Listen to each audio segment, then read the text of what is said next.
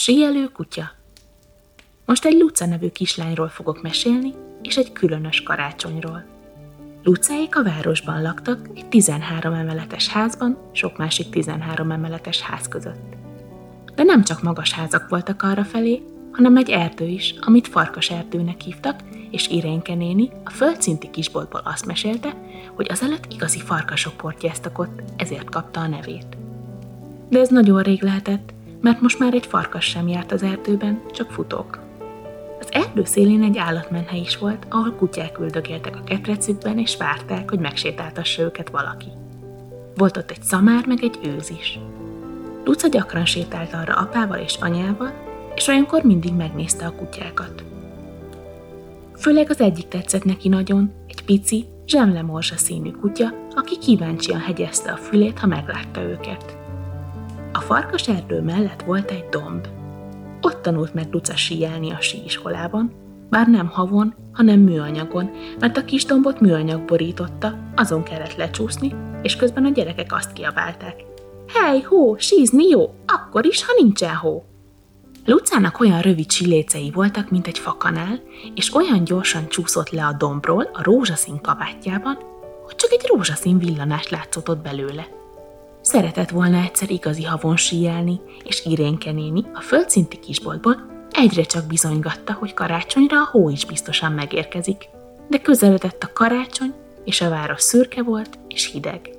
Jeges szél fújt, és latyakos eső esett.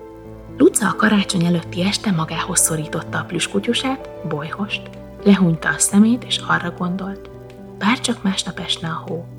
Aztán eszébe jutott valami. A kutyák tudnak sielni? kérdezte anyát, aki éppen lekapcsolni készült a villanyt.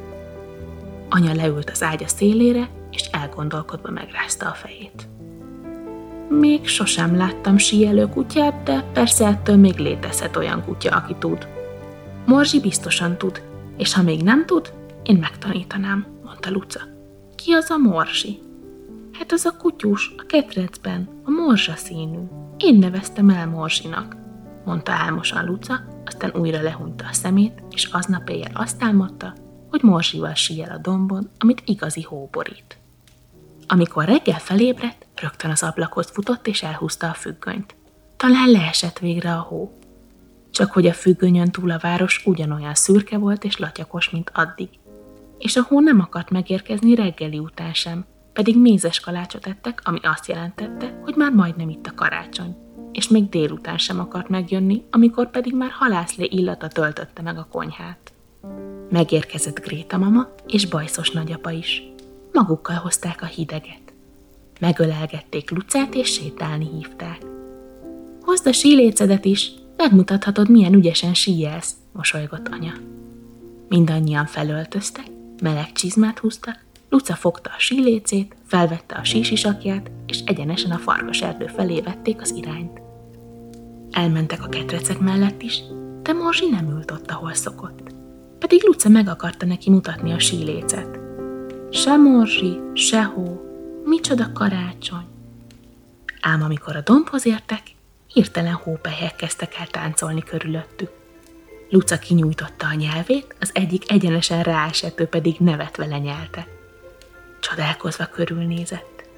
A domb tetején egy ezüst szürke cső állt, abból jöttek a hópelyhek, szanaszét szálltak és ellepték a kis dombot. A havon pedig apa közeledett, nagy lábnyomokat hagyva maga után. Látod, mégiscsak van hó, mondta, és átölelte Lucát.